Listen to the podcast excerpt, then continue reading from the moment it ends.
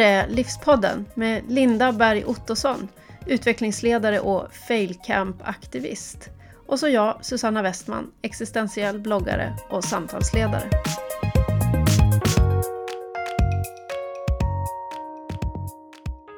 Alltså, vi har ju en liten lista med ämnen som vi tänker att vi kan prata om.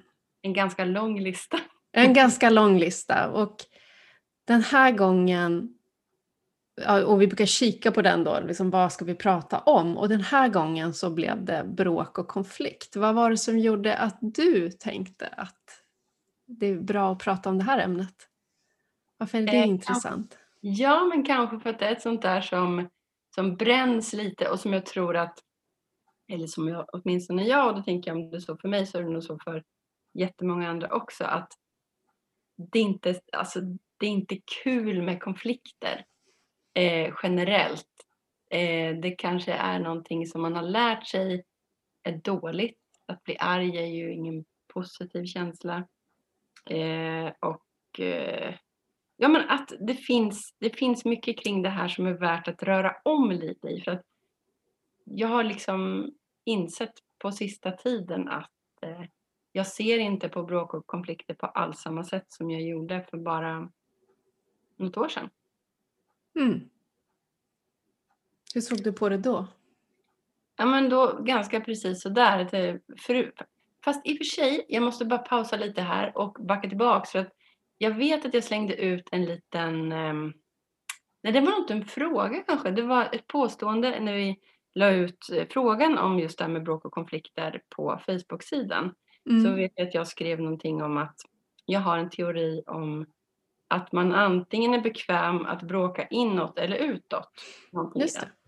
Mm.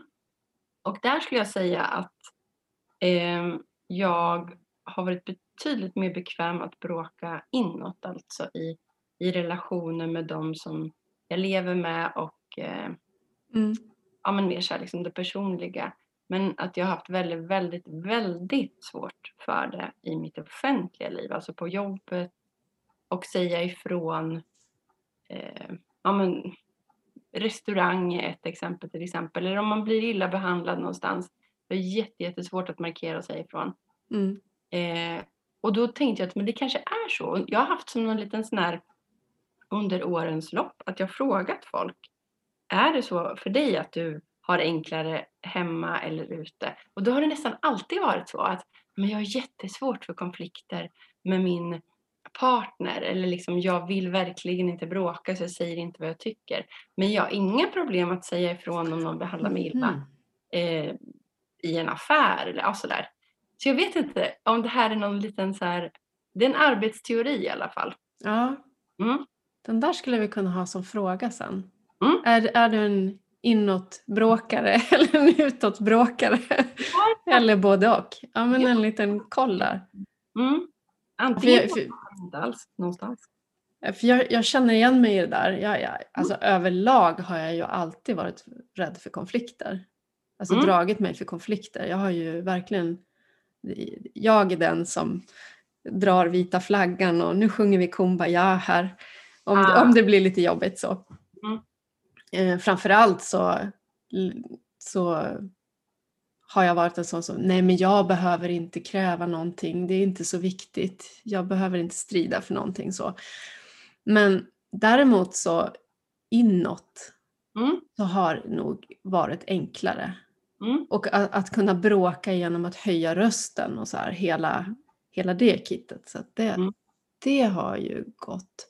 Men på arbetsplatser, nej. Så jag känner igen det där. Ja, där vill jag hellre förebygga konflikter. Så det tänker jag, har jag alltid tyckt har varit så här, men det är något, ett bra drag jag har. Liksom, att kunna läsa rummet och känna av att nu är den där personen lite obekväm och nu sa den där lite väl skarpt, nu behöver jag släta över. Liksom mm. se till att det är så ganska smooth i, i, situationen. Men ibland tänker jag så här nu att jag har ju faktiskt inte ett ansvar för stämningen i rummet egentligen. Och vad skulle hända om man istället adresserade det som hände eller mm. stämningen liksom. Mm. Har, det, har det den där skillnaden att göra med var man känner sig trygg tror du? Det tror jag jätte, jättemycket. Och självkänsla. Men, men jag tror också att vi kommer säkert komma in på det här mer och mer. För jag tänker att gå till botten med vad vi egentligen menar när vi säger bråk och Mm. För att eh, jag har ju kommit att se annorlunda även på det. Eh, men absolut är det så att man är mer, där man är trygg har man också möjlighet att eh, eller där vågar man vara mer obekväm liksom. Mm. Det, så är det ju. Eller så tror jag att det är. Um, men sen så har vi ju alla också olika lynne tänker jag. Ehm, att vi, vi visar ju när vi inte är nöjda. Det visar vi på olika sätt. Vissa personer blir jättearga jättefort på saker och höjer rösten och eh, det är liksom deras go-to. Eh, och då tänker jag någonstans här, men vad är det då? De, när man blir arg och skriker, är man då arg eller handlar det om andra saker? Nu har jag blivit sån där med, med, precis allting. Så fort man har ett begrepp så här, vad betyder det här egentligen? Går det att skala bort saker? Kan det vara så att den här ilskan egentligen handlar om att man är livrädd. Mm. Men det här är mitt uttryck när jag är rädd. Liksom. Det är det som jag har lärt mig. Eh, vissa gråter till exempel. Ja, sådär. Mm. Eh, så jag tycker bara, jag vill jättegärna att vi ska så, dissekera hela mm. väl och konflikt och bråkkonceptet också. För jag har en känsla av att vi gör fel. Mm. Men ska man inte börja då med Um, nu säger vi bråk och konflikt. Mm. Är det samma sak? Om vi börjar där. Är det, eller vad är en vad är en konflikt och vad är bråk? Är det samma bråk sak? Bråk på något sätt värre. Mm. Konflikt kan ju vara så här, men vi har en konflikt på jobbet. Eh, säger man vi har bråk på jobbet, då låter det mer allvarligt, tänker jag. En konflikt mm. kan ju handla om att några vill att vi ska ha after work på ett ställe och några vill att vi ska ha after work på ett annat ställe. Just det. Eh, eller att det kan handla om att eh, så här vill vi att vi ska utforma våra APT men det vill inte vi. Lite sådana där saker, då tänker jag att det kan uppstå. Och det kan uppstå konflikter i, i, under ett möte och sådär. Men, ehm, så en meningsskiljaktighet? Ja, det tänker jag nog. Som man kan prata om så här sansat? Nej, det gör man ju inte. Jag tror inte att man liksom skulle stå för att det egentligen är en konflikt. Nej då, vi, vi äh, tycker bara lite olika. Mm. Jag tror att det också är fult att ha konflikt. Att, att prata om att vi har konflikt, en konfliktfylld arbetsplats. Mm. Det tycker jag inte är något positivt för någon. Liksom. Nej. Um, och jag tror ju att det är uh, lätt att man, att man inte adresserar det utom i kanske små konstellationer med folk som man är trygg med. Mm. Så här, ja men vad konstig stämning det blev där på slutet av mötet eller märkte ni att den där personen lät ganska arg? Vad, vad handlade det om? Så att vi är, vi är ju inte rustade för, skulle jag säga generellt sett, att, att, att hantera eller liksom eh, ta hand om obekväm stämning. Utan det, det, blir mest tyst då. Det är i alla fall min upplevelse. Mm. Och att man pratar om det sen eventuellt. Då. Jag brukar tänka att våra 250 år av fred kan ha något med det här att göra. Att ja. det liksom jag vet inte, någonstans kanske det har, det har varit jättebra men ja, eller har vi haft dem för att vi är konflikträdda? Jag vet inte. Okej, nu, nu kommer jag på, så dels här, fred inom citationstecken tänker jag eftersom vi faktiskt lite har tittat åt andra hållet när vi, ja, och varit faktiskt gjort fula saker när vi har varit så kallat neutrala. Ja. Jag tänker så här, Nej, jag är inte dugg för krig överhuvudtaget, men jag tror ju någonstans att det rasar krig inuti oss själva ofta istället. Mm. Mm. Det där är en viktig sak också. Mm. Men skulle man säga då att konflikt, det är meningsskiljaktigheter eh, som uppstår och bråk blir när det eskalerar till känslo, alltså när Mm. det blir känsloladdat också. Det skulle kunna vara, och det blir ju ganska snabbt känsloladdat tänker jag eftersom det kopplas ju bara på liksom Mm. i, i stunden. Och då tänker jag det, det beror kanske lite på vad det är för känslor som kopplas på. Om jag skärskådar mig själv så har ju jag alltid i arbetssituationer varit väldigt, eh, haft väldigt liksom, svårt med människor som blir arga. Mm. Eh, jätte, jättesvårt. Det är som att hela mitt system låser sig liksom.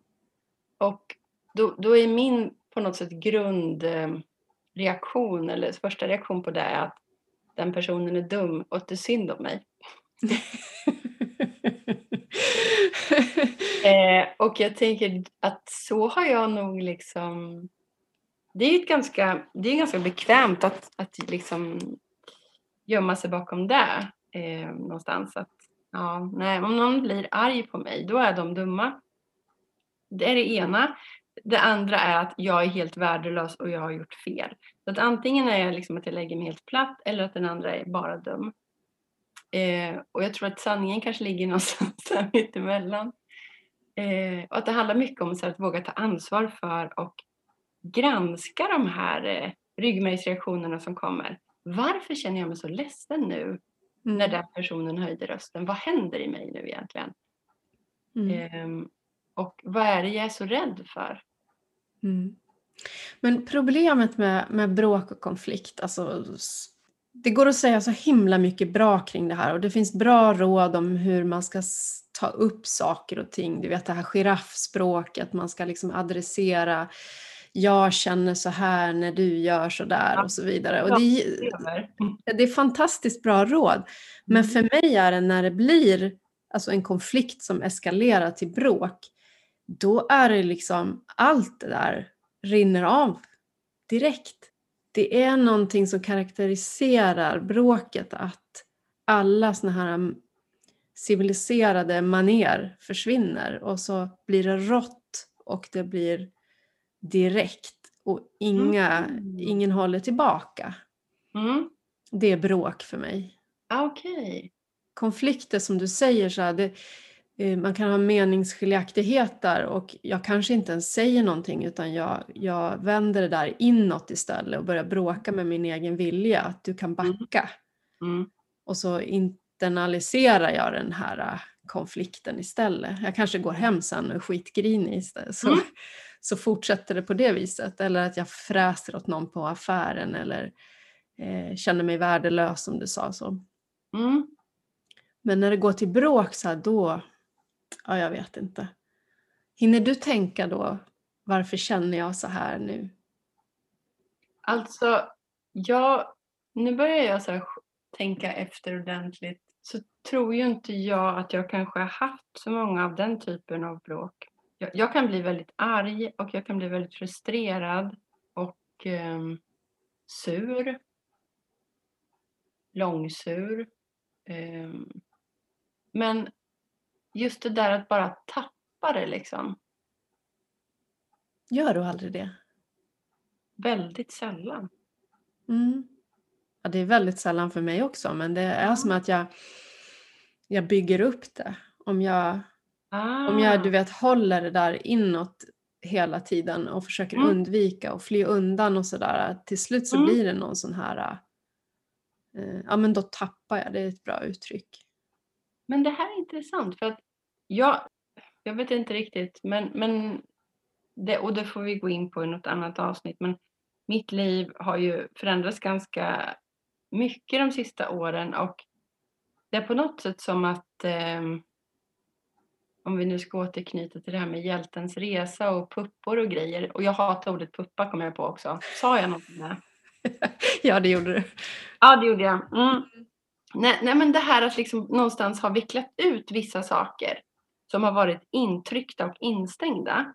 När de väl är ute så, jag, så kan inte jag veckla tillbaks det. Eh, Mm. och där kommer ju precis den här grejen in som har med ja, som kan komma att handla om konflikter men som egentligen handlar om att vara ärlig med saker man känner. Ja. Och istället har jag då börjat vara ärlig om saker jag känner, eh, vilket ju i sig kan upplevas som säkert asjobbigt. Mm. Eh, eftersom människor, tror jag, generellt sett strävar efter att ha någon slags eh, lugn och skön tillvaro. Eh, mm. Och kanske inte nödvändigtvis letar efter tillfällen att prata ut om saker eller lyfta upp saker till ytan och det här ser jag och det här känner jag, det här behöver adresseras. Men grejen är att jag har noll möjlighet längre att tiga om saker eller att stänga in saker eller att låtsas som att det där inte blev skavigt för mig just nu. Mm. Ehm, det som, eventuellt kan det ju ha att göra med ett helt liv av någon slags eh, försök att hålla igen och hålla tillbaka. Och nu vill, kan jag inte göra det mer för det känns som att jag begår våld på mig själv. Mm. Mm. Och det gör ju att det blir ju inte på det där liksom tryck ner, tryck ner, tryck ner och sen tryckkokar grejen att det bara så här, wow, du är mm. dum i huvudet och jag hatar dig. Det blir liksom inte de där grejerna utan det blir mer så här, men jag känner det här nu. Det här, det, och sen så ska jag inte säga att det har varit så här sansat hela tiden för att det här är ju såklart en träningssak och det kräver ju också att man har en signifikant andre som är intresserad av den här typen av samtal och som också vill utvecklas. Liksom. Mm. Eh, men det gör ju att jag tar upp allt hela tiden. Ja. Om det är någonting. Och jag vet inte, jag kan inte göra på något annat sätt just nu. Nej. Ja, men det där har verkligen skiftat hos mig också. Mm. Och det som du säger, det där med träningssak. Ja. Alltså, någonstans insåg jag ju att jag gick miste om en massa saker. Att jag, mm. Saker som jag längtade efter. Mm. Både det här med att, att, vara mig själv helt och fullt, att uh, känna sig fri på något mm. sätt. Att, men också det här med kärlek och intimitet. Alltså någonstans så har jag insett att konflikterna och bråken är fantastiska för att just bygga en Exakt. stark relation. Ja! Ehm, men det har inte kommit sådär bara utan det har säkert tagit tio år här av, av eh, trevande och övande på något sätt. Mm. Ehm, så idag så känns det liksom, ja de där känns viktiga varje sånt här tillfälle även om det fortfarande känns lite obehagligt medan det varar. Och jag tror det måste vara det. Mm. Att, att vi, den här strävan efter att ingenting ska kännas och ingenting ska vara obehagligt. Det är den jag tror man behöver, man behöver träna på att vara i den obehagliga känslan. Mm. Just nu är det precis så här och det måste få vara så.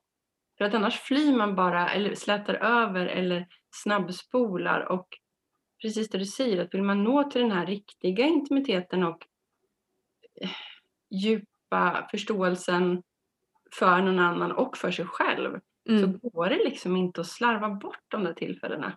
Mm. Ja, ja för det kan man verkligen göra. Man kan slarva bort dem och det är då mm. jag tror det blir relationsförstörande. Mm. Alltså om du inte går till botten när det har kommit ett sånt här gräl. Alltså jag har varit expert på att bara gå iväg. Jag har, jag har liksom försvunnit ut genom dörren mer eller mindre när mm. det har varit jobbigt. Men om man inte liksom är kvar och är kvar tiden ut då, blir det, eh, då, då, har man istället skapat en massa minor tror jag som ja. ligger där och väntar på att någon ska kliva på dem. Mm. Absolut, det tror jag också. Och det börjar ju, alltså jag tänkte på det här om dagen. Det finns ju så många serier som jag har kollat på så sjukt många gånger. Eh, och bland annat Seinfeld. Och då är det ett avsnitt ett av de mest episka avsnitten där George eh, Eh, det börjar med att han står och blickar ut över havet och ser så här svårmodig ut och sen går han in på kaféet till sina, till, eh, ja det är väl bara kanske Jerry som sitter där, Elaine också kanske, och säger att eh, han har kommit fram till att hela hans liv har blivit totalt liksom motsatt mot vad han hade tänkt och, och önskat. Eh, och han, han, han har liksom försökt komma fram till vad det beror på och så förstår han att han måste liksom ha varenda instinkt och varenda känsla han har haft måste ju ha varit fel. Alla val han har gjort har varit fel. Och då, då borde svaret på det här problemet vara att han ska börja göra the complete opposite. Mm. Det börjar han ju göra och det börjar med att det är en tjej på kaféet som, som tittar på honom och då säger Elaine, du borde gå fram och prata med henne. Ja, eller hur, säger han. Eh, Hallå, jag är skallig och jag har inget jobb och bor med mina föräldrar. Jag kan, då, då går man inte fram till främmande kvinnor. Liksom. Men så tänker han att ja, men, det är ju verkligen inte min instinkt, alltså borde jag göra det. Och så går han fram och pratar med henne. De Mm. inleder en relation, han får ett toppenjobb på New York Yankees. Så att, ja, det har blivit en väldigt lång historia om Seinfeld, men det jag vill säga är att jag tror ju att i vår iver att vara snälla, att vara en duktig och bra kollega, en duktig och bra partner, en bra förälder om man har barn, så gör vi the complete opposite. Mm. Och sen så, så, så liksom tror vi att det jag gör nu är snällt, men det är Mm. det inte. Mm. Det är varken snällt mot mig eller mot den här andra personen. Mm. Och kanske borde man börja mer tänka så att hjälp, jag kanske har fel instinkter när det kommer till Mm. obekväma känslor. Ja. Björntjänst, ett sånt här ord som dyker Ja. upp. Att Precis, jag tror att jag gör gott när jag inte säger, när jag inte är uppriktig i en situation. Mm. Alltså det finns ju verkligen saker man inte ska säga, men när det är någonting du eh, någonting som inte fungerar på jobbet eller när det skaver mellan ens partner eller någonting Mm. så alltså det blir inte bra att vara tyst. Det finns ju ändå kvar. För då agerar ju den här andra personen mot det du visar upp och känner samtidigt av någonting annat som du sänder ut. Ehm, och så tänker man någonstans att nej men, jag vill inte skapa dålig stämning och jag, jag tar hand om det här själv. Det är bättre att jag inte säger något, jag biter ihop. Mm. Men det gör man ju inte. Man tror att man biter ihop men istället kommer det liksom så dubbla signaler vilket gör det ännu jobbigare för den andra personen Mm. ehm, att hantera. Liksom. Ja, men där, där blir det ju, alltså det är ju Carl Jungs skuggan och personan igen. Personan är jag är god, jag är snäll, Mm. jag, jag är storsint och bara låter allting va- vara istället. Men egentligen då så kommer den här, det, det kommer att pysa ut på något vis. Det kommer att visa sig på något vis Mm. eh, i någon slags passiv aggressivitet på. Offermentalitet, absolut. Offermentaliteten, ja. ja. man vill ju vara, är den här, jag offrar mig för det allmänna goda och Mm, för stämningens skull. Nej, jag säger ingenting. mm, Och sen så den här, just den här offermentaliteten som verkligen så här förgiftar. Det måste förgifta mig. mm, Den lägger någon slags så här tung våt filt på alla andra inblandade. mm, Eh, och samtidigt tror jag inte att man är medveten om det själv. Man lägger någonstans ett, både ett ansvar och en förklaring utanför sig själv. mm. Jag kommer att tänka på, vet, vi har skrivit om henne förut i, på Facebook där, Mm. eh, karaktären Maj i Kristina Sandbergs böcker. Ja! Mm. Hon är ju hela tiden och fixar och la, lagar maten och hon, du vet, minutiös städning av detta kök sådär. Men hon Mm. är ju en sån här som istället går och slamrar och. Lägger dålig stämning över allting och är så här, lite sur och grinig hela tiden. Ja, att det blir på det viset istället för att hon, hon faktiskt säger vad hon vill. ja, Jag Och skulle det- vilja göra det här. precis. Och då är det omöjligt att bemöta det. Det är omöjligt att göra situationen bättre. Det är bara Mm. någonting som far omkring och fladdrar och så känner alla av det. Mm. Men man kan inte göra något åt det förrän personen som sänder ut det Mm. Gör det liksom uttalat. Mm. Ehm, Jag menar, visst känner du igen det här? Eh, man tror att man inte är arg och så säger ens eh, partner där, är du sur eller? mm, Alltså det finns ju inget värre när man väl är arg för någonting. Ja. Nej, det är jag inte alls. Jag är jätteglad. mm. Men vet du, det där har faktiskt blivit mindre eftersom jag inte... Jag, jag måste ja, jag om jag tänker nu på så här, jag, har ju, jag har barn Mm. eh, och där har jag inte riktigt kommit lika långt än ska jag säga med det här att helt och hållet vara sig själv och ärlig. Jag tycker jag brottas lite med de här rollerna, liksom föräldrarollen, men vem jag är, för jag vill vara mig själv, för de känner ju av Mm. de här lagren som jag lägger emellan mig själv och dem genom att jag tror att jag ska vara särskild, på, av en särskild sort som förälder. Mm. Ibland lyckas jag eh, med att vara autentisk i det, men ibland gör jag inte det och eh, det tränar jag på jättemycket. Men där, eh, det var kul att du sa det, så har min yngsta dotter jättetydlig, hon bara är, är du arg mamma? Är du sur mamma? Mm. Eller vad är det mamma? Och då kan jag verkligen vara så här, inte ha märkt det själv. Att jag egentligen har ganska stort påslag av PMS till exempel. Och går omkring och har så ganska kort ton. Men jag Mm. märker det inte själv för att nej, jag är den goda modern så att jag låter inte gå ut över barnen. Jag hade drömmar om att låta det gå ut över mina barn. Mm. Ehm, och sen så pyser det istället på det där sättet. Mm. Som, och då är det ganska bra att ha ett sånt känsligt barn som plockar upp minsta lilla signal och adresserar det. Mm. Det är väldigt bra faktiskt. Jag har visst en, en eh, särskild blick när jag egentligen går omkring och håller någonting inne som jag skulle behöva säga. Och det, som skrämmer folk också. Alltså de Oj. blir, de blir rädda för mig. Och det, det kan, I Zoom. Nej, jag, jag, kan bara, jag kan inte skapa den där själv. Jag kan verkligen inte ma- mana fram det men jag, alltså manliga kollegor blir rädda för mig Ah, när jag är på det där viset. Alltså har då, de sagt det då liksom? Ja, Scary. eh, jag jobbade med en eh, jätterolig kille där förr på Mm. som vi, vi delade plats bredvid varandra. Han sa jämt så här, nu, nu, nu har du den där blicken igen. Mm. Och han sa att man känner sig eh, man känner sig som man har gjort fel och vill gå och gömma sig. Okej. Mm. En sträng föräldrablick typ kanske? Ja, det är tydligen något sånt. Mm. Märker du av den själv? Eh, in, eller, Ja, alltså d- jag, det är ju när jag är irriterad och frustrerad på något. Men det är ju oftast i de här situationerna, jag skulle inte gå och konfrontera den här människan med det. Eh, jag har blivit mycket bättre på det. Jag har fått, ja men lite grann det här som George. Jag Mm. måste göra tvärs emot. Jag mm. måste börja öva på det här och Mm. känna att jag överlever. Mm. Ehm, och när jag har gjort det och verkligen laddat, jag har ett sånt här tillfälle som var någon slags vändpunkt när jag Mm. samlar mig och då blir det ju ofta så här, då kommer jag ju lite för sent. Mm. Då har ju själva, själva saken har ju redan hänt för länge sedan och sen har jag gått och bara mm, tänkt och eh, nej, för 17 jag måste ta tag i det här. Då kan jag komma dagen efter. Du vet, Mm. den an- andra personen fattar ju knappt vad jag pratar om då när jag, när jag kliver in.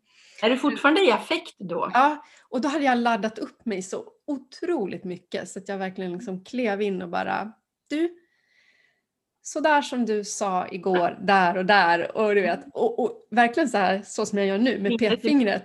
Ja. Pekfingret får upp. Hjälp! Ja men att du vet, och, och jag var ju, alltså, kunde knappt hålla rösten stadig för jag var Nej. så här uppeldad verkligen. Ja, det där är inte schysst och jag kommer inte ihåg vad jag sa, bara, det där är verkligen inte okej för att eh, det ställer till med det här och det här. Mm. Jag hade ju förväntat mig ett gräl liksom. Jag hade ju Mm. laddat stenhårt här för att nu liksom kommer det skjutas tillbaka på olika sätt. Så här, och jag, jag Mm. måste bara liksom stå rak i det här. Och så Mm. säger personen bara, men gud vad bra att du säger det där. Mm. För det har du rätt i, så där kan jag låta ibland och det är inte bra. Och du vet, jag var så upptaggad så jag står där Mm. med fingret i luften och bara Just det! Precis! så var jag bara tvungen att gå därifrån för jag kunde som inte ta den här Nej. vänligheten som mötte mig. För jag hade ju liksom pumpat upp mig själv i någon jag säger steroider nästan när jag klev in i det där. Fingret var fortfarande laddat. Så det var så laddat. Ja. Så jag var tvungen att bara backa ut därifrån. Liksom, och gå, jag vet, jag kommer inte ihåg var jag tog vägen men jag var tvungen att sätta mig och smälta det där. Liksom. Exakt! Och det här är en väldigt viktig grej du kommer in på nu tycker jag. På tal om att hantera konflikter och bråk hur vi gör med barnen. Mm. Barn bråkar, jag tänker på i skolan, eller slåss eller grälar eller det händer saker. Så där, nu säger vi förlåt till varann, så, så säg, tar ni varann i hand och sen så är det bra. Alltså det är ju, det är ju misshandel, psykisk misshandel, Ah. ursäkta. Men det här, alla har ju olika sätt att, du hade ju inte smält det där en, alltså du var ju tvungen att gå undan och det här behöver kännas klart, nu kan jag prata Mm. med personen.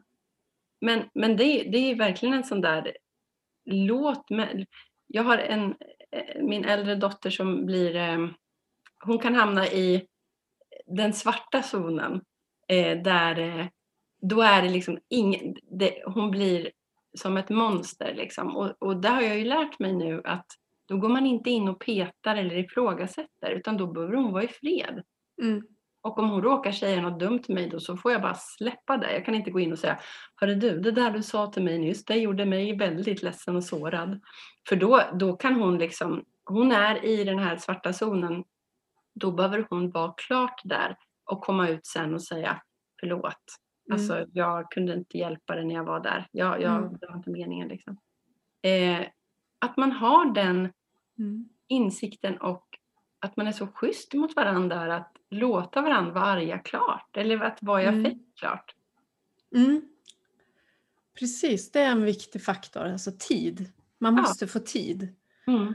Och det där med alltså, att du kallar det för svarta zonen, det är ganska bra för det känns ju som, det, det var det jag menar med det här med bråk, att det, det är som en sån kraft som väller upp, Mm. att det blir svallvågor sen. Mm. Och medan de där far upp och ner så, så kan man liksom inte få någon klar blick över någonting, man är inte stadig än. Nej. Så det måste liksom få svalla ut. Ehm, Mm. Och det är ju bra om man kan vara kvar i samma rum naturligtvis och fortsätta Mm. liksom, tills det där har svallat ut. Så, men så är det ju inte alltid. Nej, ibland kan det vara ganska bra att pausa eller att liksom, ja men nu Mm. går jag ut en sväng eller Mm. eh, man kan behöva samla sig själv. För Mm. jag tänker att ofta har man ganska olika sätt att vara i en konflikt. Det är olika saker som triggar en och som gör en Mm. osäker.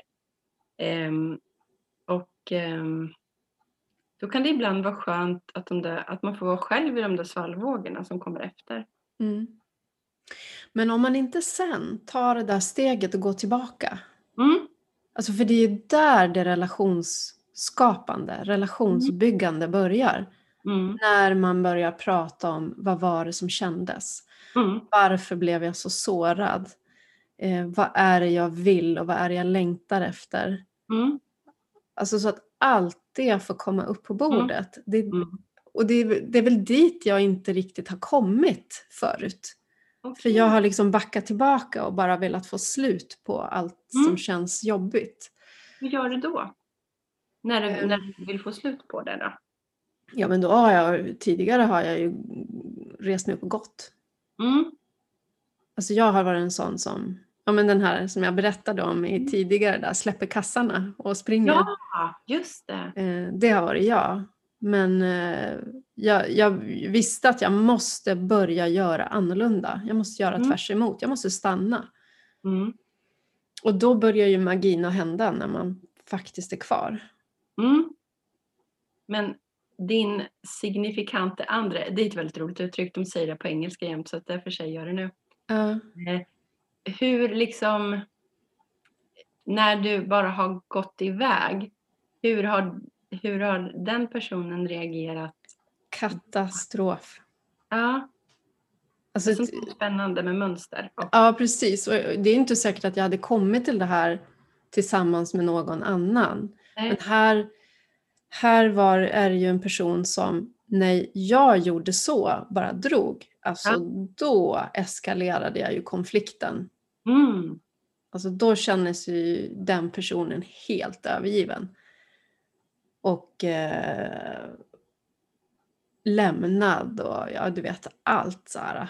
hur blev det när du kom tillbaks då? Liksom? För jag tänker att om du stack ut ett tag och sen kom tillbaka.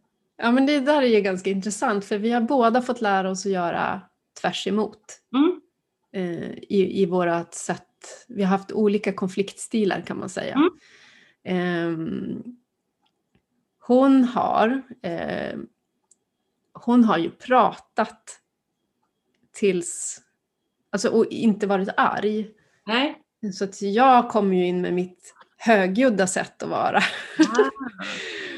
och eh, skrämmer ju. Mm. Men liksom så har jag alltid varit i, i de situationerna. Att det har jag inte haft några problem med att höja rösten och sådär. Men där, s- så hon vill ju prata. Och man ska prata tills man Ja. förstår varandra och allting känns så här. Så att på riktigt så provade jag en gång. När jag tänkte första gången då när vi hade bestämt att vi ska göra tvärsom. Mm. Nästa gång vi bråkar så gjorde vi faktiskt det. Jag stannade kvar. Mm. Och så tänkte jag så här. Ja men nu, får, nu pratar vi Mm. nu pratar vi. Och vi Mm. pratar. Och vi pratar. Och vi pratar. Och vi pratar. Och så till slut så känner jag någon slår till mig på axeln ungefär. För då har jag somnat. Uh-oh. Oh oh. Men det var en bra lärdom också för det var liksom Hon kom ju fram till att det, det hjälper ju inte att prata bara hela vägen. Alltså orden Det finns ett stopp Mm. finns liksom, man kan inte reda ut, man kan inte reda bort meningsskiljaktigheterna heller. Nej. Det är inte vägen. Alltså det går inte att liksom förstå varandra fullt ut. Eller förstå varandra kanske går, men meningsskiljaktigheterna Ja, för det jag tror man går inte att sudda skapa- bort. Nej, det jag tror man försöker skapa i de där eh, evighetslånga samtalen är konsensus och Mm. för att man, det är så man har lärt sig att det ska vara. Vi ska tycka Mm. lika, vi ska Mm. vara överens. Nu kan man Mm. inte bara vara överens om att man inte är överens ibland. Jag tänker så här, det, det är lite sådär, tänker inte du också det att det är lite så här som folk tänker att det ska vara så två kvinnor som lever tillsammans, de, de diskuterar och pratar hela tiden. Och så dricker de te. och te och det är mysigt och det är massage. Eh, och just det här att nej men vi samtalar. Eh, Mm. Vi har evighetslånga samtal, vi bråkar inte.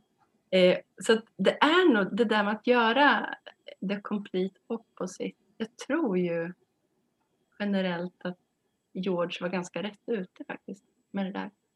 Ja, ibland ska man gå emot sina första instinkter. Ja, jag funderar på hur jag själv borde göra då om jag ska göra tvärt emot. Fast just nu känns det som att den här konfliktstilen eller bråkstilen jag har har jag kommit att bli ganska rädd om, om jag ska vara ärlig. Eh, när det, när det, I mitt eh, privatliv i alla fall. Mm. Då har jag jättemycket att träna på fortfarande i, i det offentliga. Jag tycker fortfarande att det är jobbigt att ens liksom säga på en restaurang att den här grejen var inte jättegod eller att den var för kall, att den var för salt. I somras så var vi iväg på ett ställe på västkusten och fick jätteäckligt lamm. Alltså det var jätte, jätteäckligt. Och jag vågade inte säga till. Så då fick eh, Lisa göra det och jag gick på toa medan hon sa till. Mm. Så att det är på den nivån liksom. Jag är så rädd att någon ska tycka att jag är besvärlig och jobbig och att det är Mm. pinsamt så. Jag har ju ganska lång, alltså det är så otro, det är som att jag är i båda ändarna av skalan, båda ändarna av skalan eh, när det kommer till det här för att jag har noll problem i liksom mina närmast, i min närmaste relation men jag har tusen problem när Mm. det kommer till det andra. Mm. Så att jag kanske borde börja göra, testa the opposite där. Men Ja, det- jag tror man ska börja smått. Mm. Där det bara bränner lite lagom och så kan man... Alltså jag försöker ta chansen nu när det är... Alltså det var inte så länge sedan jag klev på tåget och så sitter då en, en eh, vit medelålders man, 70-årsåldern kanske, 60, Mm. 70, någonting. Och eh, lyssnar på någonting och tittar på någonting på sin telefon. Mm. Det är jättehög volym i Mm. hela kupén, alltså inga hörlurar. Mm. Och först tänkte jag sätta mig alldeles i närheten. Men så bara, nej jag tänkte läsa en bok. Så att då reste jag mig upp och gick längst bort i tågvagnen istället. Mm. Och då ser jag blickarna från alla andra omkring. Liksom, du vet, Mm. sådär passivt, passivt aggressivt som folk Ja. gör. Liksom börja söka andras sympatier. Tycker ni Mm. också att det är en idiot som sitter där och lyssnar? Så här. Och då känner jag, men nu sitter jag ju här. Nu är det här. Nu gick jag därifrån. Mm. Och här, det låter fortfarande lika mycket i andra änden tågvagnen och jag vill, nej.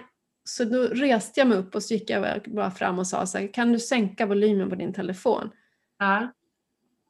Låter det högt eller? Ja, det är för högt, sa jag bara. Mm. Och så gick jag därifrån. Det gick ju skitbra. Han sänkte det. Ja. Eh, men det var ju en liksom, det var inte så laddat då, men alltså, jag tror att man måste nöta in det som en erfarenhet i kroppen. Ja, gud, det där är ju... Det, jag hade exakt, exakt samma grej när jag åkte tåg eh, häromdagen. Jag sa ingenting. Mm. Det var e- en kvinna till i min vagn som satt och pratade i högtalartelefon. Det här liksom. Jag hörde allt hon sa, allt den personen hon pratade med sa. Och jag tänker någonstans, varför gör man så? Om det är en annan person i vagnen, pratar man inte i hörlurar då? Ja. ehm, Sånt här. Och, och sen varför säger jag inte någonting då om jag nu sitter och retar upp mig så till en milda grad? För det gör jag ju. mm, Och det är också det där för att jag har minsann lärt mig att man inte ska störa andra och man ska minsann eh, tänka på andra hela tiden och inte utgöra någon, något störningsmoment. Och hur kan hon sitta där och göra precis tvärtom? Eh, så att, ja, jag tycker du var modig som gjorde det. Alltså man måste hugga de där chanserna om du vill ändra på det. Mm. Tror jag. Men sen finns det ju fortfarande tusen grejer jag inte vågar. Och jag, jag tror att det kan ha spelat roll att det var en vit medelålders man. Mm. Mindre farligt. Mm. Alltså det, det kan vara så enkelt också. Att det kändes som här satt ju, ja men, någon som såg ut som min egen pappa. Mm. Det är enklare Ja. än om det hade varit någon av en annan etnicitet kanske. Då hade jag kanske inte vågat. Eller en ungdom som såg galen ut. Ja, en ungdom som såg lite, du vet med huvan uppfälld och Mm. ja, det, det kan ha varit annorlunda då. Mm. Men någonstans måste man börja tror jag och Mm. vända på det. Absolut. Så det händer ju grejer, absolut. Mm. Det där när man sitter kvar, Mm. Alltså det, det där är ju den intressanta biten för mig nu. Alltså, när man kliver in i de där bråksituationerna då, då försöker inte jag hålla tillbaka saker och ting nu. I, i Nej. relationer i alla fall. Eh, och, och jag har till och med börjat bara acceptera de sårande orden också. Som att det är, Mm. ja men ut med allt bara Mm. på en gång. Alltså, töm varbölden direkt. Mm. De där sårande orden de finns där i ditt huvud i alla fall. Mm. Från alla parter. Och det är liksom bättre att det kan komma upp på bordet. Så. Precis, och inte på med plåstret för fort. Utan rengör och lufta såret först. Ja. Och sen kliver man ju in i det där när man väl får börja Ja, men vad var det som kändes och varför, varför blev jag så sårad? Alltså Mm. det är ju en guldgruva om man är intresserad av att, att gräva i sina mm, rädslor och skuggsidor och eh, fantasier om sin egen förträfflighet också. Gud ja. Men jag, jag fattar ju att man måste vara lite intresserad av det för att och även i den andra personen, men du får ju, du får ju lära känna varandra så otroligt mycket. Mm.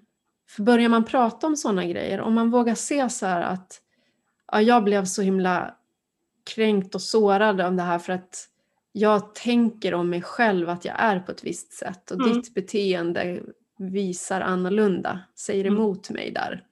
Alltså då har man ju blottat sig själv Mm. och då är man sårbar.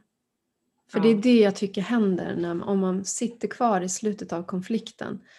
Då släpper man alla de här fasaderna. Mm. Då kommer man till den där rena känslan som Mm. jag ju tycker så mycket om. Mm.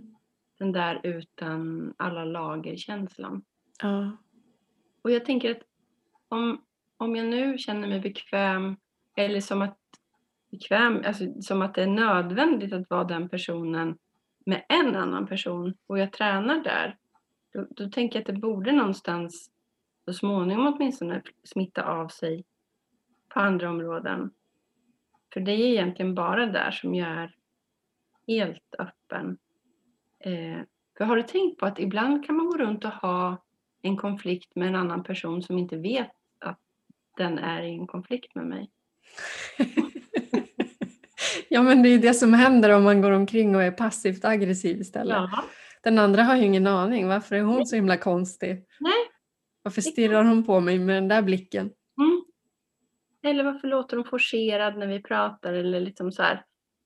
För det, det finns så mycket. Jag kan sitta och prata om det här nu rent teoretiskt och se sanningen och har skådat ljuset och allting. Men det, säger, det betyder ju inte att eh, jag gör som jag vet. Det är, det är ungefär samma sak som att jag i presentationen av oss på, på blogg eller på de här texten kring podden så står det failcamp-aktivist om mig. Och det är jag ju. Men jag är ju den som verkligen behöver bli failcamp-aktivistad mest i hela världen också. Så det är ju mycket så man lär sig mycket om någonting och man ser hur, man, hur det borde vara och man ser också sitt beteende. Men sen så är det ju det är ju precis som du gjorde där i tågvagnen. Det krävs ju att man gör de här små förändringarna Mm. faktiskt för att eh, i förlängningen bryta den här förbannelsen av att vara så rädd för att... Mm. Börjar man grotta i det och river bort alla lager, så här, vad vill egentligen båda parter? Mm. Så har jag, och det kanske är en naiv tro, men jag tror att man ju i grunden vill man ju samma sak. Man vill ju bo- man vill att båda ska vara nöjda, man vill att båda ska känna sig uppskattade. ehm, Alltså det finns en massa sådana där saker som båda personerna vill och sen kan Mm. man ha velat det på olika sätt. Man kan ha Mm. velat uppnå det på olika sätt. Mm. Men kan man i, när man pratar med varandra hitta de där beröringspunkterna, det som är lika, så Mm. kan man lättare hantera det som är olika sen. Ja, och någonstans här tänker jag också the complete opposite. Att man på något sätt har van, vant sig vid att lägga fokuset på, på viet. Eh, på laget före jaget. Men jag tänker ju att det också är helt fel. Mm. Jag tänker att man måste lägga fokuset på jaget. Att båda måste göra det. Mm. För att, att ha en relation med någon annan kräver ju att man, eller kräver, men tror ju jag handlar, behöver handla om att man börjar med sig själv och relationen till sig själv. Eh, därför att annars är det så lätt att man lägger så mycket önskningar och eh, förväntningar på en annan människa att den ska på något sätt komplettera en eller ge en en massa Mm. saker. Jag behöver uppskattning, jag behöver höra att jag är snygg, jag behöver det här och det här och det här. Men i, om man skalar på det så handlar ju det om helt andra saker. Det, det jag verkligen, verkligen vill ha i en relation det är ju två liksom fristående personer som är fria tillsammans Mm. och som har var sina tydliga konturer och som möts när det, liksom på det sätt som passar båda. Mm. För det, är när vi skriver in alla de här outtalade förväntningarna på vad ett förhållande ska vara, det tror jag också skapar en massa konflikter som jag, där tänker jag nog är ganska onödiga konflikter. Då bråkar man på något sätt om ett mellanrum som, jag vet inte, som man inte riktigt förstår själv tror jag vad det är man bråkar om. Eh, om det här makes any sense. Eh, Jo, men jag, jag, jag tänker att det du säger kanske är att, eller är det att var, personerna var och en för sig behöver ju ha koll på sig själva och sina e- konflikter med sig själv.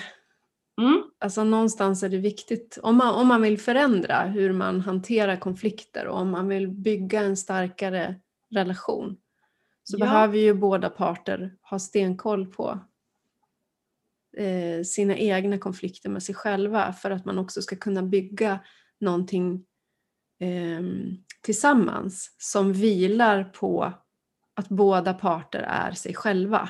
mm, Annars vilar det ju på en fantasi om exakt. var och en. Och då blir det också som en fant- ett fantasiförhållande egentligen. Mm. Det bottnar inte i det som faktiskt är. Och det är där som kärnan i de båda personerna. Och det är väl där som jag tror att ja, alltså det är väldigt lätt att hamna där. Mm. Eh, därför att det kräver ju att man gör väldigt mycket precis eh, tvärtom mot vad man har lärt sig för att komma fram till den här kärnan i sig själv. Mm. Och också så här, vad man själv behöver, vem man kan vara för den andra och vad man inte kan vara. Liksom. Ehm, att det, det, kommer kanske, det handlar kanske inte bara om att man ska känna till sitt eget sätt att vara i konflikter utan också vad man behöver och att man själv har ett ansvar där för att eh, både kommunicera och eh, ta hand om det, de behoven. Det är inte den andra personens eh, jobb att lista ut det eller att ta hand om det. Mm. Utan eh, man kan dela det genom på andra sätt men då behöver man också kommunicera det. Ja, jag, jag, tror att någonting vi absolut glömmer i relationer och som faktiskt ställer till konflikter det är att vi inte är helt på det klara heller med vilka fina ideal vi tänker oss eh, att vi ska leva upp till eller vilka vi, Mm. vilket vi tror att vi är. För Mm. att så länge vi har fokus på att vi bara är, vi är i alla fall de goda. Exakt. Det är då vi också skapar alla, eller inte ser alla gånger vi faktiskt gör någon illa. Nej. Och också att idealen många gånger tror jag gör att man håller upp en eh, eh, förhållande relationspersona gentemot omvärlden. Där man liksom har någon slags, ja för, för att det är viktigt att visa att vi har en, ett bra förhållande. Så här har vi det, eh, att det blir lite sådär eh, istället för att tänk om det, det, skulle vara på samma sätt som att man kunde jag tror att det skulle hjälpa många om man oftare pratade om sånt här eh, med andra. Inte så att vi bråkar jättemycket som att det skulle vara positivt utan att eh, kunna visa komplexiteten i att vara i en relation med en annan människa. Mm. Att det inte ska vara otäckt. Mm. Jag känner inte så många som är så här orädda för konflikter. Men jag har en person så att jag, jag ringde faktiskt henne innan vi skulle spela in det här. Mm. Tänkte, liksom, hur tänker du? Mm. Eh, För du och jag är, låter ju ändå ganska lika Mm. hur vi förhåller oss till det här med konflikter. Och det var ju liksom som jag, som jag misstänkte så, så den här personen är ju, eh, för henne finns det ju liksom inte på kartan att man inte tar upp när någonting inte stämmer. Men pratar hon då inåt eller utåt eller allt? Utåt.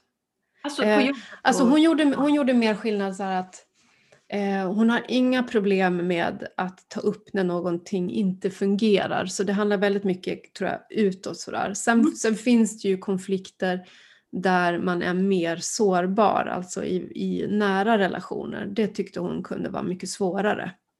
Då är hon en sån- då är, det bekräftar min teori. Ja, det skulle kunna vara en, en utåt mycket lättare, inåt. Mm. Eh, jag ska fråga. Mm. Eh, men det var så intressant att höra det just det här eftersom jag själv är raka motsatsen. Vi, vi, Mm. vi brukar prata ganska mycket om det, Mm. att vi är väldigt olika där.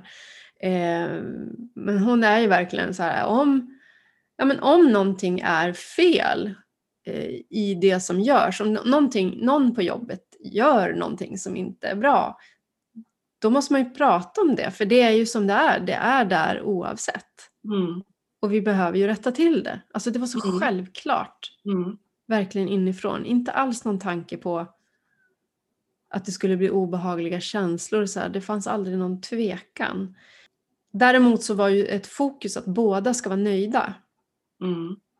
när man har pratat igenom. Är Det var det, det viktigaste. Mm. Ja, men båda ska ändå liksom kunna känna att man har förstått någonting. Mm. Eh, men den här personen sa också, ja om inte det går så är det viktigt att i alla fall jag blir nöjd. Alltså så det fanns liksom en så här, nej men det är ju, ja, det behöver sägas, det måste komma ut. Men gud vad intressant. Mm. Hon kanske kan få bli coach. Ja, men jag, fråg, Ja. jag frågade faktiskt så här, ja men vad ska man göra, om du ska säga någon råd till en som är konflikträdd, hur Mm. gör du? Mm. För, hur liksom går du in i en konflikt? Och sa ju faktiskt också att jag samlar argument. Så det är Ah. inte så här, äh, ingen bara går direkt in i någonting utan det finns en Mm. tänkande bakom. Att nu har det här hänt en, två, tre gånger. Liksom. Mm.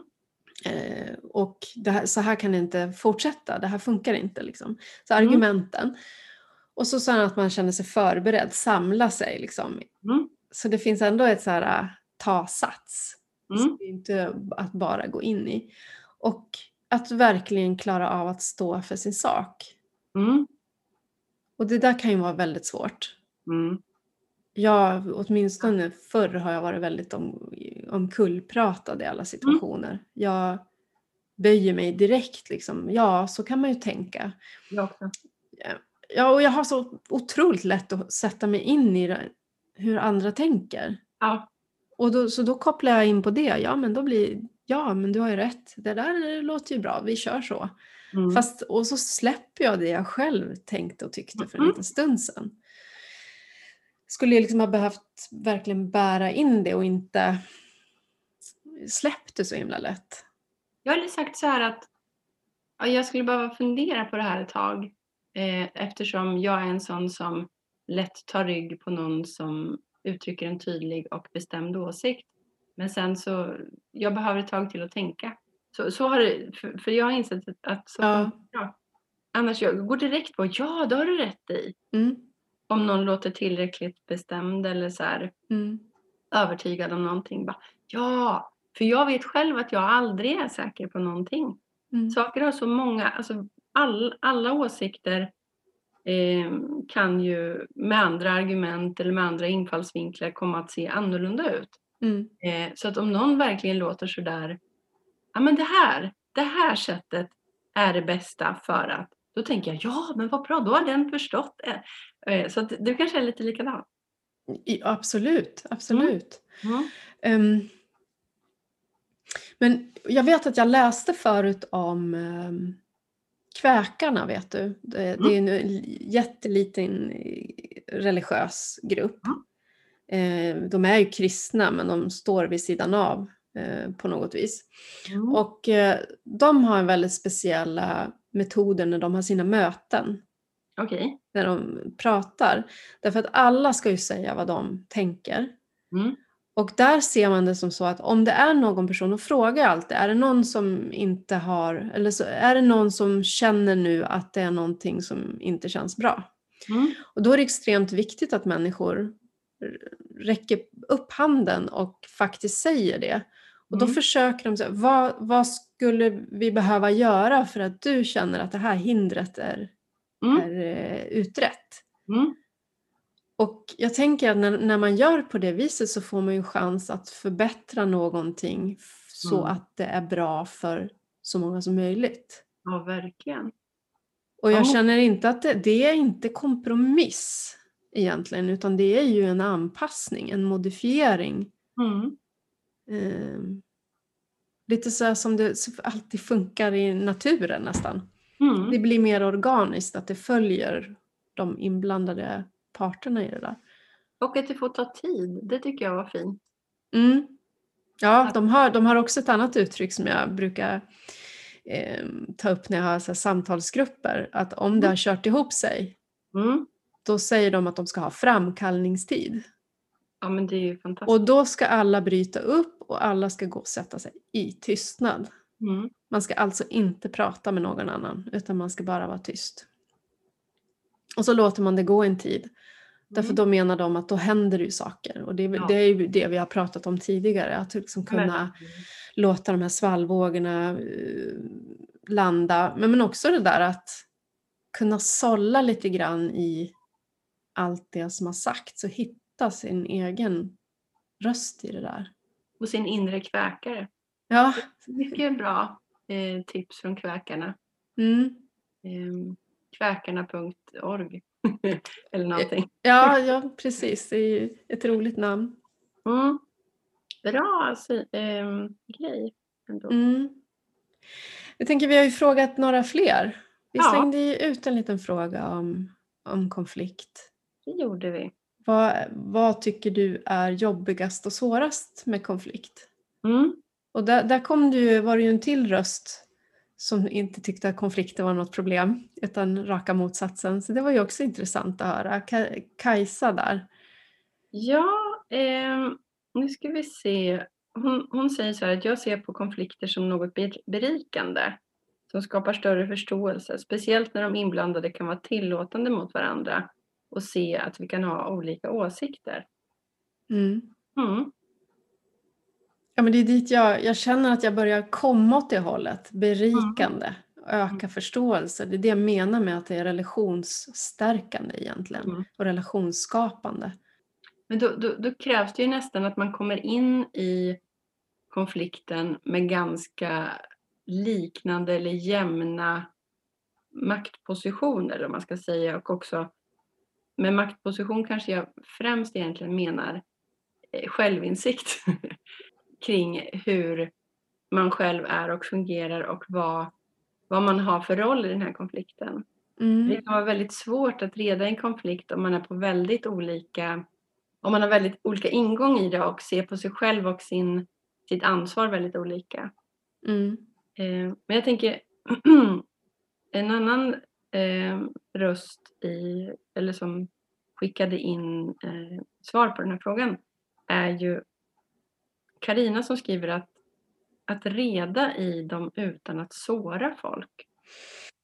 Och det där är väldigt intressant för att Mm. där har vi ju också det här att vi ska inte såra någon annan. Mm. Och då är det ju väldigt lätt att man gör den här tvärtom grejen som vi var inne på i början att man istället inte säger någonting för man vill inte göra en annan människa ledsen. Men Mm. man gör egentligen både sig själv och den andra människan mycket ledsnare och mycket mer sårad i Mm. förlängningen.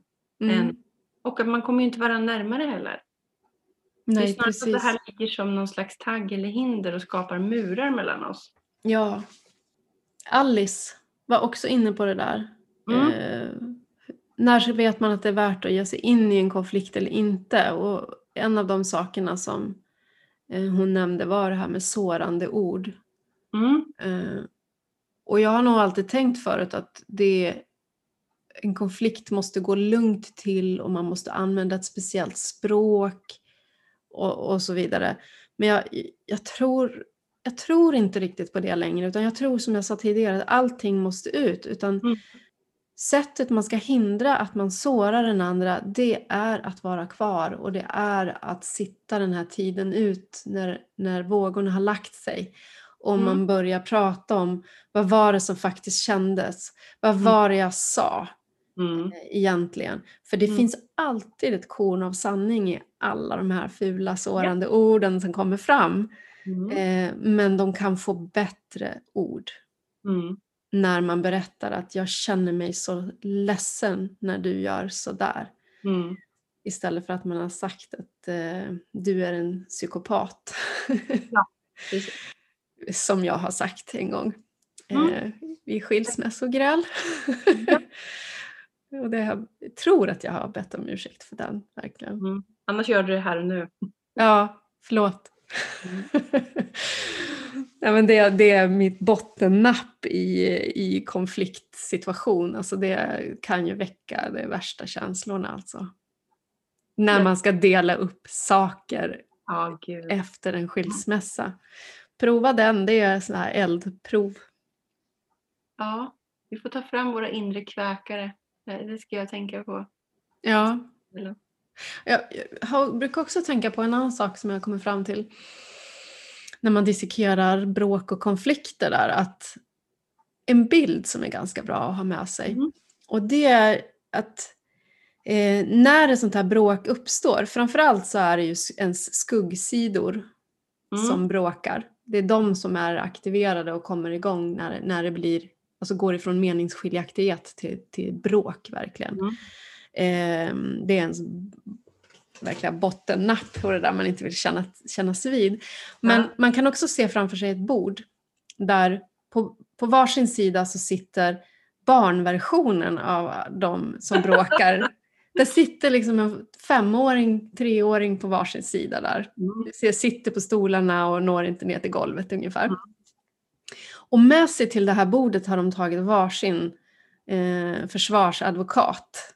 Mm. Så tänk dig de här med, med slickat hår och Mm. svans och ja, men som inte ser riktigt hederliga ut. Så. Mm. Och de är ju bara där för att se till att det här barnet ska få rätt, Mm. att den ska få framhäva hur duktig den är själv Mm. och eh, ska gå därifrån som en vinnare. Och barnet vill ju egentligen bara bli bekräftat, bli Mm. älskat, bli sedd för den den är. Så. Exakt det där. Och det är det som ligger där på bordet, det är egentligen den grundläggande önskan från båda de här två barnen som sitter på varsin sida. Så här. Men försvarsadvokaten har inte alls sikte på det. Den Nej. skiter i det. Vi ska ha rätt, vi ska vinna det här. Mm. Men med vid det här bordet så har man ju också varsin åklagare Just det. som man släpar in som bekräftar hur värdelös man är. Som talar om hur dum i huvudet man är. Ja, där hör du. Där hör du minsann hur fel du gör hela tiden. Så här, som, och den har ju inte heller fokus på det barnversionen av en själv vill. Nej. Den liksom sitter ju bara och eldar på och dömer. Den är ju Mm. ute efter att hitta felen i, i vad man tror att man själv har åstadkommit och gjort här. Så, så man behöver ju, för att komma någonstans, måste man plocka in en varsin tredje. Som ju är en, mer av en medlarkaraktär. För, Mm. för medlaren är ju alltid intresserad av att lyssna till allas behov. Mm. Och behoven ligger där på bordet. Så Mm. det är inte förrän då de kommer fram och det är det jag tror jag händer om du sitter kvar. Om du bara med, eh, kör bråk del 1, Mm. då är det ju åklagaren och försvarsadvokaten som är inblandade och ett, ett gråtande barn kan man säga. Mm. Och ett ledset barn. Men Mm. kan man sitta kvar efter att allt det här stökiga, bråkiga eh, orden har sagts, då kan man plocka in medlaren och då kan man helt plötsligt bara röja undan de där två i rummet och så börjar man titta på de där behoven som fanns där istället. Då kan var och, båda parter Mm. få uttrycka det de faktiskt vill och känner i den där situationen. Mm. Och det är då saker kan börja hända. Det är en väldigt fin liknelse. Mm. Eh, Och jag tänker att åklagaren sitter ju både vid bordet men ganska ofta också i en själv. Den inre liksom, kritiken. Alltså båda de där, både försvarsadvokaten är ju, är ju ens försvarsmekanism kan man säga. Mm. Och sen har du ju den här eh, åklagaren kan ju liknas vid det här eh, superegot som är där hela Mm. tiden för att slå en på fingrarna och hålla sig tillbaka och, och App, kry, app, app. krympa sig själv. Ja, för att nu ska ju alla gilla dig. Mm. Nu är det bäst att du bara anpassar dig till allting och sådär. Därför det, det, ja, det, man skulle egentligen ha en bild av det där då och då för att komma ihåg. Jag tänker vi ska ju kanske ganska snart börja avrunda ser jag Mm. Men jag tänkte bara på en grej som slog mig att det är också svårt att bråka med en person som inte vill bråka. Ja. Om man eh, har någonting som kanske då eh, i mitt fall kanske jag har, ja men som något jag har stört mig på och så ta, ta upp det och den här andra personen till varje pris vill tillbaks till god stämning. Mm. Eh, och då kan det ju bli så här att den personen då som i det här fallet är jag både liksom identifierar ett problem, ansvarar för att eh, berätta om det men måste sen också spela alla de här rollerna själv eftersom den andra personen inte riktigt ehm, jag kanske mest säger så här, ja men det har du nog rätt i. Mm. Eh, och då behöver ju jag på något sätt sätta igång båda barnens försvarsadvokater och anklagare i mig själv för att det ska bli rättvist. Därför Mm. att det inte bara ska handla om min version eh, och att mitt sätt att se på någonting utan att det behöver ju vara bådas. Så då behöver jag spela båda rollerna. Vilket är ganska arbetsamt. Ja. Eh, och därför tänker jag att eh, sånt här är väldigt bra att träna på och att många som tycker att det är obekvämt och obehagligt med konflikter eh, när man väl kommer liksom fram till de här bitarna med the complete opposite. Att oj, det här leder ju ingenstans. Jag kommer inte alls närmare där jag vill ha. Mm. Eh, har man sett det och vill vidare, då tänker jag att då har man alla chanser i världen att träna på nästa konflikt. Ja, och kanske blir man bättre mitt i när det varar att komma, vad var jag skulle komma ihåg? Jag skulle göra tvärs emot. Mm. Nu, nu är jag på väg att göra sådär igen. Mm. Och låta det få ta tid. Och att inte låta det bli prestation. För det är också väldigt vanligt att nej, jag är så dålig, jag kan inte ens eh, vara mig själv. Eller jag kan inte ens säga Mm. vad jag tycker. Mm. Utan att det handlar om låta det ta tid, inte få det att handla om prestation som sagt. Och Mm. att eh, se att det steg för steg handlar om att lära känna sig själv och någon annan människa på djupet. Mm. Ja, men, och, och komma ihåg att det var också någonting som Caroline sa, hon som inte har Mm. några problem med konflikter, Mm. att hon går väldigt ofta tillbaka. Blev det dåligt? Alltså blev Mm. det så att båda skildes åt och det inte kändes något bra, då tvekar hon aldrig att gå tillbaka igen Nej, för och det ta det en gång till. Så Mm. att, att det tror jag också är väldigt viktigt. Att bara för att det gick åt pipan först så är det liksom, Mm. nej men du har inte en misslyckad konflikt, den är bara inte slut än. Nej. Utan du har bara gått in i det här att tänka själv kanske och sen får du gå tillbaka igen. Men jag tänker att om hon har lärt sig ett sånt bra konfliktbeteendemönster i sitt offentliga liv, då kanske hennes utmaning är att träna på det i sitt privatliv. Mm. Medan för mig och kanske också för dig handlar mycket att träna, handlar mycket om att träna på att ehm, använda sig av de färdigheter man har skapat inåt, fast ta, Mm. dem, ta dem utåt. Liksom. Mm. Ja. Jag känner mig lite mer peppad på konflikt nu. Ja, eller hur? Jag får gå ut och ställa mig vid staketet mot någon granne här. Och Rit på någon. Eller bara vilka, du klippte gräset alldeles för högt förut. mm. Ja, men man ska nappa när chansen dyker upp. Sen behöver man ju inte skapa konflikterna själv. Nej, det känns ju onödigt kanske. Eller ska man prova det också? Jag vet inte. Det kan komma lite senare känner jag. ja. Non-rage då? Vi har ju varit dåliga på det på de senaste gångerna. Det är väldigt dumt att inte ha en rage när vi ska prata om bråk. Ja. Men du hade ju någon, kan inte du ta din? ja, den kan jag gå igång på. Mm. konflikträdslan på arbetsplatser som gör att det leder till kollektiv bestraffning. Ja, Alltså att inte chefer vågar gå direkt till den som inte gör saker bra eller som faktiskt gör fel och istället Mm. så får hela arbetslaget åka på samma kurs igen som Mm. man redan kan. Alltså Mm. man kan det som lärs ut. Det är bara det att man vet att det är en, två stycken som kanske inte gör det här men då åker alla på det och så säger man det är bra att repetera. Mhm. Alltså det tycker jag är så irriterande. Och väldigt ofta så tar man ju också upp så här passivt aggressivt på personalmöten att "Åh, nu är det så här att vi måste tänka på det här och så säger man ju inte vem det gäller. Och Mm. jag vet ju med mig själv, jag känner mig ju alltid skyldig. Mm. Det spelar ingen roll om jag har gjort det. Om det där tas upp så känner jag direkt att "Åh, shit, jag måste bättra mig. Men vänta här nu, jag gör ju redan allt man ska på det där området. Men jag tar åt mig. Och Ja. jag är ganska säker på att de det gäller tar inte åt sig. Nej. Och därför så kan man ju tänka sig att det vore ett betydligt bättre, en betydligt bättre idé om de pratade med de här personerna på en gång. Men där, där, jag tror inte vi är där än. Nej, men vi måste komma dit! Ja. Men jag sätter mitt hopp till alla nya svenskar som har kommit. Jag Ja. tror att det är en helt annan mentalitet. Man är inte Ja. alls lika rädd för konflikter där. För det är ju någonting med det som gör en trygg. Alltså med mig är det det i alla fall. När man får så här raka puckar Mm. och eh, raka åsikter. När man känner att det finns inget annat bakom här som jag ska dechiffrera eller försöka förstå mig på. Den Mm. här personen har upplevt det här och den uttrycker det på ett eh, liksom, tydligt sätt. Mm. Det är ju det bästa som finns. Jag tänker det borde ju alla tycka. Mm.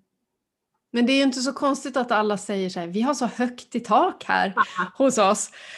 Alltså säger man det då, det, det är ungefär som de här eh, skyltarna som sitter vid kommungränserna med något sånt här motto för kommunen. Man Mm. vet att det som står där, det, då är det raka motsatsen som egentligen stämmer. Jajamän. Precis så. Mm. Eller att man måste skriva jättefina ord om sitt förhållande på Facebook. Ja. Mm. Eh, väldigt mycket Mm. superlativer. Då tänker jag också så här, jaha.